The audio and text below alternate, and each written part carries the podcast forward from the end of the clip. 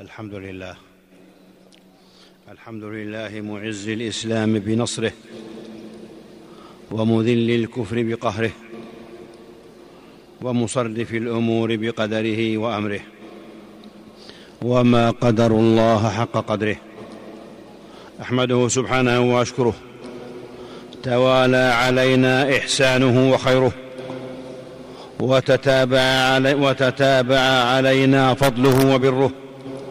وأشهد أن لا إله إلا الله وحده لا شريك له. لا رب لنا سواه ولا إله غيره. وأشهد أن سيدنا ونبينا محمدا عبده ورسوله. شرح صدره ووضع عنه وزره وأتم له أمره. صلى الله وسلم وبارك عليه. وعلى آله النجب السادات وأصحابه أولي السبق والمكرمات والتابعين ومن تبعهم بإحسان ما دامت الأرض والسماوات وسلم تسليما كثيرا. أما بعد فأوصيكم أيها الناس ونفسي بتقوى الله. فاتقوا الله رحمكم الله واعلموا أن الصمت عند الانتصار عند الانتصار واعلموا أن الصمت عند الانتصار ثقة وعند الغضب قوة وأثناء العمل إنجاز والصمت عند السخرية ترفع وعند النصيحة أدب وفي وقت الحزن صبر واحتساب والفقير من فقد الأدب لا من فقد الذهب والله يميز الخبيث من الطيب ويعلم المفسد من المصلح ويحق الحق ويبطل الباطل وينجي المصلحين الذين ينهون عن السوء ويزيد الذين اهتدوا ويزيد الذين اهتدوا هدى. يثبت الله الذين آمنوا بالقول الثابت في الحياة الدنيا وفي الآخرة ويضل الله الظالمين ويفعل الله ما يشاء. أيها المسلمون شيء عجيب شيء عجيب شاء الله بحكمته أن تتوقف عليه الحياة في أصلها وفي كمالها وفي سعادتها وفي عزها. شيء به يأكل الإنسان ويشرب ويلبس ويسكن وبه يصنع غذاءه ولباسه وسكنه وسلاحه. شيء محتاج إليه في الصحة والعلم وفي القوة والبنيان وفي العمران وفي السلطان. إنه المال. المال عباد الله. قضت سنة الله أن يكون هو عصب الحياة ومعاش الأحياء. جعله الله قياما للناس. فقال عز شأنه ولا تؤتوا السفهاء أموالكم التي جعل الله لكم قياما. وقيام الشيء ما به يحفظ ويستقيم. فالمال قوام المعاش وقوام المصالح العامة والخاصة. ومن أجل هذا كله عباد الله كان حفظ المال من المقاصد الكبرى في شرع الله ومن الضروريات الخمس في دين الإسلام. ورد ذكر المال في كتاب الله أكثر من ثمانين مرة. وقد سمى الله وقد سمى الله المال خيرا فقال عز شأنه وإنه لحب الخير لشديد. وقال تعالى يسألونك ماذا ينفقون؟ قل ما, أنف قل ما انفقتم من خير فللوالدين والأقربين واليتامى والمساكين وابن السبيل وما تفعلوا من خير فإن الله به عليم. وقال جل وعلا كتب عليكم إذا حضر أحدكم الموت إن ترك خيرا الوصية للوالدين والأقربين بالمعروف حقا على المتقين. معاشر الأحبة وللمال حرمته ومكانته. ففي الحديث الصحيح لا يحل مال امرئ مسلم إلا بطيب من نفسه. ومن حلف على يمين صبر كاذبا متعمدا يقتطع بها مال أخيه المسلم لقي الله وهو عليه غضبان. متفق عليه من حديث ابن مسعود رضي الله عنه. ومن قتل دون ماله فهو شهيد رواه أبو داود والترمذي من حديث سعيد بن زيد وقال حديث حسن صحيح.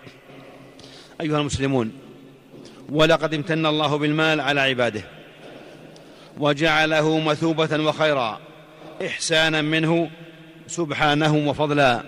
فقال على لسان نبيه نوح عليه السلام فقلت استغفروا ربكم إنه كان غفارا. يرسل السماء عليكم مدرارا ويمددكم بأموال وبنين ويجعل لكم جنات ويجعل لكم أنهارا. وقال جل وعلا ومن يتق الله يجعل له مخرجا ويرزقه من حيث لا يحتسب. بل قال عز شأنه في حق نبيه محمد صلى الله عليه وسلم ووجدك عائلا فأغنى. وقال عليه الصلاة والسلام لعمرو بن العاص رضي الله عنه نعم المال الصالح للمرء الصالح. رواه أحمد بسند على شرط مسلم.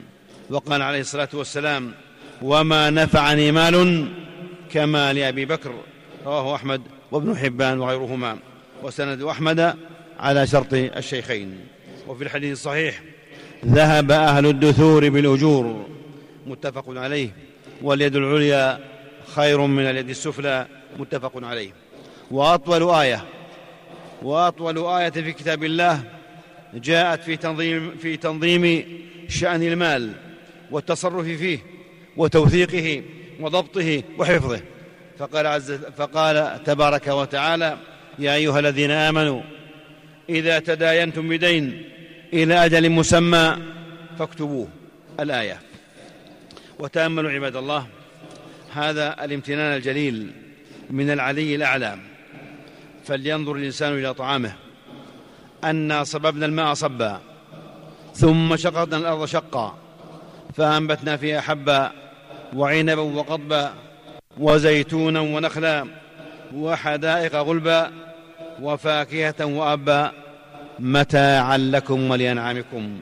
وقال جل وعلا في مقام آخر ونزلنا من السماء ماء مباركا فأنبتنا به جنات وحب الحصيد والنخل باسقات لها طلع نضيد رزقا للعباد. وقرن سبحانه قرن سبحانه الذين يسعون في الأرض ابتغاء فضل الله مع المجاهدين في سبيل الله. فقال عز اسمه وآخرون يضربون في الأرض يبتغون من فضل الله وآخرون يقاتلون في سبيل الله. وللحافظ ابن القيم رحمه الله كلمات وللحافظ ابن القيم رحمه الله كلمات جوامع في المال ومنزلته. فكان مما قاله رحمه الله وأعلم الله سبحانه أنه جعل المال قواما للأنفس وأمر بحفظه ونهى أن يؤتى السفهاء من الرجال والنساء والأولاد وغيرهم ومدحه النبي صلى الله عليه وسلم في قوله نعم المال الصالح للمرء الصالح وقال ابن المسيب لا خير في من لا يريد جمع المال من حله يكف به وجهه عن الناس ويصل رحمه ويعطي حقه وقال أبو إسحاق السبيعي كانوا يرون السعه عونا على الدين وقال محمد بن منكدر نعم الغنى عون على التقى. وقال سفيان الثوري المال في زماننا هذا سلاح المؤمن. وقال يوسف بن أسباط ما كان المال في زمان منذ خلقت الدنيا أنفع منه في هذا الزمن والخير كالخيل لرجل ستر وعلى رجل وزر. معاشر المسلمين ومن فوائد المال كما يقرر ابن القيم رحمه الله أنه قوام العبادات والطاعات وبه قام سوق بر الحج والجهاد وبه حصل الإنفاق الواجب والمستحب وحصلت قربات الوقف وبناء المساجد والقناطر وغيرها وعلى المال قام سوق المروءة وظهرت صفحة الجود والسخاء ووقيت الأعراض واكتسبت الإخوان والأصدقاء وتوصل الأبرار إلى درجات العلا. ومرافقة الذين أنعم الله عليهم فهو مرقاة يصعد بها إلى أعلى غرف الجنة ويهبط, ويهبط منها إلى أسفل سافلين وهو مقيم مجد الماجد. كان بعض السلف يقول لا مجد إلا بفعال ولا فعال إلا بمال. وكان بعضهم يقول اللهم إني من عبادك الذين لا يصلحهم إلا الغنى. والمال أيها المسلمون من أسباب رضا الله عن العبد كما كان من أسباب سخطه عليه. والكلام لا يزال لابن القيم رحمه الله. قال وهذا أبو بكر وعمر وعثمان والزبير وعبد الرحمن بن عوف رضوان الله عليهم وغيرهم من أفاضل جمهور الصحابة مع الغنى الوافر وتأثيرهم في الدين أعظم من تأثير أهل الصفة. وقد نهى رسول الله صلى الله عليه وسلم عن إضاعته وأخبر أن ترك الرجل ورثته أغنياء خير له من تركهم فقراء وأخبر أن صاحب المال لن ينفق نفقة يبتغي بها وجه الله إلا ازداد بها درجة ورفعة. معاشر المسلمين المال له دور عظيم في حفظ نظام الحياة والأحياء وتحقيق التقدم والعمران. ودون ودون ودون مراعاة ذلك يفسد نظام العالم ويتوقف عطاؤه وينهدم عمرانه. أيها المسلمون ومع هذه المكانة العظيمة للمال فإن العبد مسؤول عن ماله. من أين اكتسبه؟ وفيما أنفقه. فالمال ليس مقصودا لذاته وإنما هو للإنفاق ودوران التجارة والاستثمار والانتفاع وابتغاء فضل الله وبلوغ رضوانه. قال عز شأنه كي لا يكون دولة بين الأغنياء منكم والمال مال الله وآتوهم من مال الله الذي آتاكم ويد الإنسان فيه يد وديعة وأنفقوا مما جعلكم مستخلفين فيه. ومن أصاب المال من حله فذلك الذي يبارك الله له فيه. فالمال ليس مرفوضا لذاته بل قد يكون فيه الخير الكثير. يقول النبي صلى الله عليه وسلم إنما الدنيا لأربعة نفر عبد رزقه الله مالا وعلما فهو يتقي فيه ربه ويصل فيه رحمه ويعمل لله فيه حقا فهذا بأفضل المنازل. الحديث أخرجه أحمد والترمذي وسنده صحيح. وليس التشمير في الدنيا مقصورا على المعاد دون المعاش. بل المعاش ذريعة إلى المعاد ومعين عليه فالدنيا مزرعة الآخرة ومدرجة إليها. قال أبو سليمان الداراني ليست العبادة عندنا أن تصف قدميك وغيرك يقوت لك ولكن ابدأ برغيفيك فأحرزهما ثم تعبد فالمال من أعظم النعم النعم في الدين والدنيا. وبعد عباد الله فللمال أسباب تحفظه.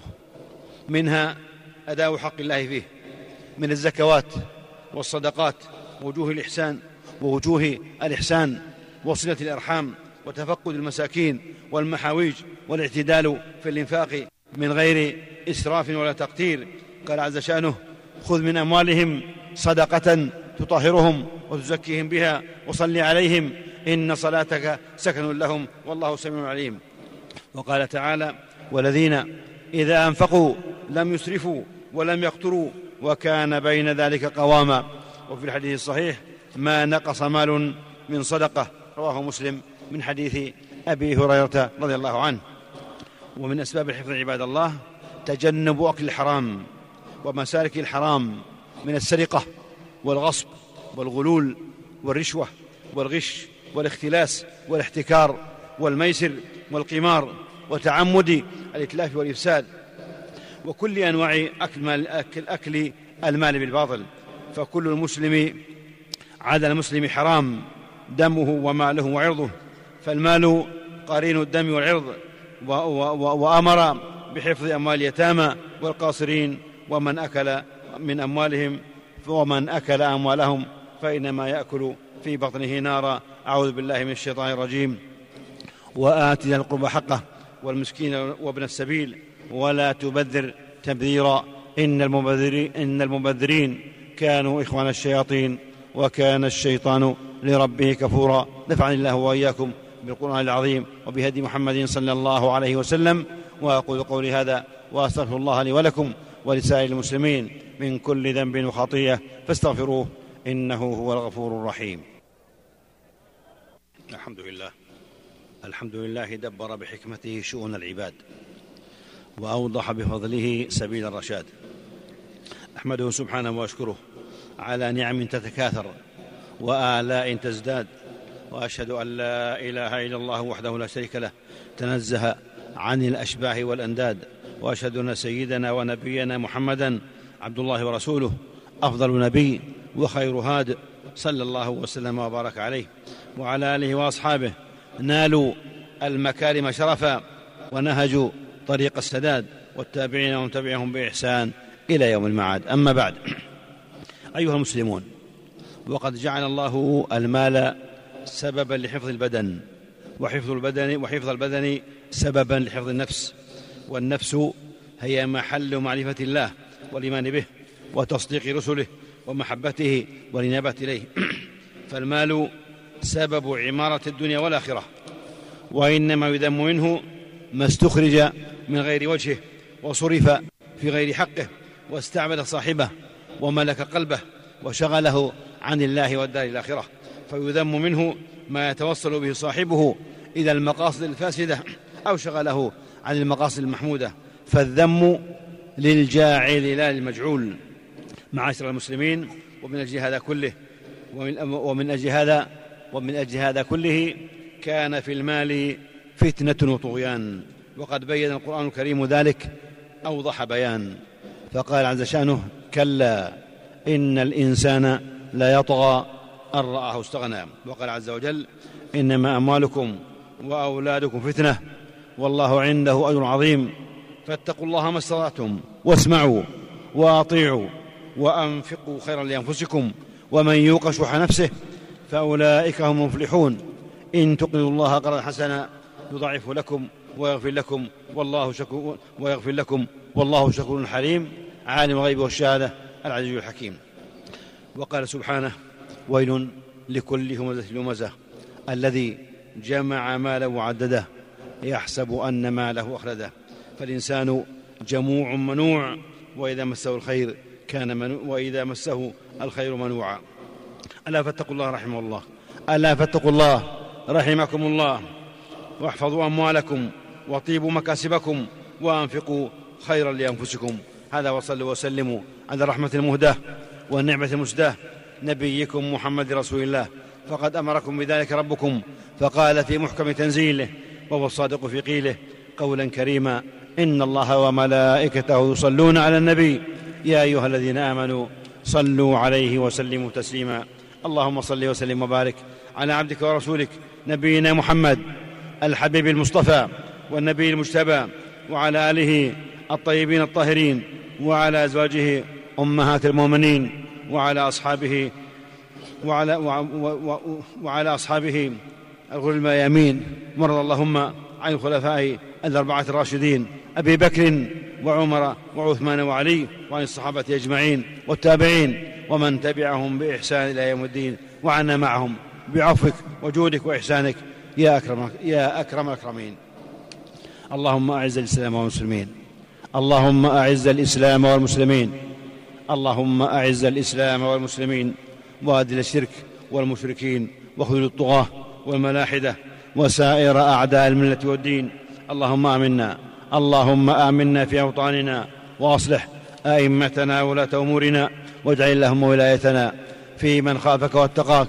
واتبع رضاك يا رب العالمين. اللهم وفق إمامنا. اللهم وفق إمامنا. وولي امرنا خادم الحرمين الشريفين بتوفيقك واعزه بطاعتك واعلي به كلمتك واجعله نصرة للإسلام والمسلمين. ووفقه وولي عهده وإخوانه وأعوانه لما تحب وترضى. وخذ بنواصيهم للبر والتقوى. اللهم وفق ولاة أمور المسلمين للعمل بكتابك. وبسنة نبيك محمد صلى الله عليه وسلم. واجعلهم رحمة لعبادك المؤمنين. واجمع كلمتهم على الحق والهدى يا رب العالمين. اللهم أصلح أحوال المسلمين. اللهم أصلح أحوال المسلمين في كل مكان. اللهم احقن دماءهم. واجمع الحق والهدى والسنة كلمتهم. وول عليهم خيارهم. واكفهم أسرارهم. وابسط الأمن والعدل في والرخاء في ديارهم. واعذهم من الشرور والفتن. ما ظهر منها وما بطن. اللهم انصر جنودنا. اللهم انصر جنودنا. المرابطين على الحدود.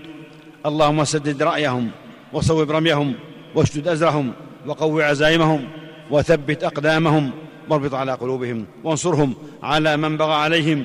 اللهم ايدهم بتأييدك وانصرهم بنصرك. اللهم احفظ عليهم. اللهم احفظهم من بين أيديهم ومن خلفهم وعن أيمانهم وعن شمائلهم ومن فوقهم. ونعوذ بك اللهم من أن يغتالوا من تحتهم. اللهم ارحم شهداءهم واشف جرحاهم واحفظهم في أهلهم وذرياتهم إنك سميع الدعاء. اللهم انصر اللهم انصر إخواننا المستضعفين المظلومين. اللهم انصرهم في فلسطين وفي بورما وفي ليبيا وفي اليمن وفي سوريا. تعرضوا للظلم والطغيان والتسييد والحصار.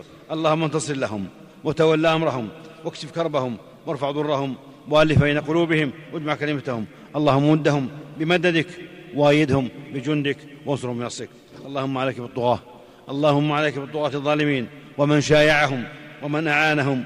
اللهم افرق جمعهم وشتت شملهم ومزقهم كل مزق. اللهم واجعل تدميرهم في تدبيرهم يا رب العالمين. اللهم عليك باليهود. اللهم عليك باليهود الغاصبين المحتلين. فإنهم لا يعجزونك. اللهم وأنزل بهم بأسك. الذي لا يرد عن القوم المجرمين. اللهم إنا ندرأ بك في نحورهم ونعوذ بك من شرورهم. اللهم اغفر ذنوبنا. اللهم اغفر ذنوبنا. واستر عيوبنا. ونفس كروبنا. وعاف مبتلانا. واشف مرضانا. وارحم موتانا. ربنا ظلمنا أنفسنا. وإن لم تغفر لنا وترحمنا لنكونن من الخاسرين. ربنا آتنا في الدنيا حسنة وفي الآخرة حسنة وقنا عذاب النار. سبحان ربك رب العزة عما يصفون وسلام على المرسلين والحمد لله رب العالمين.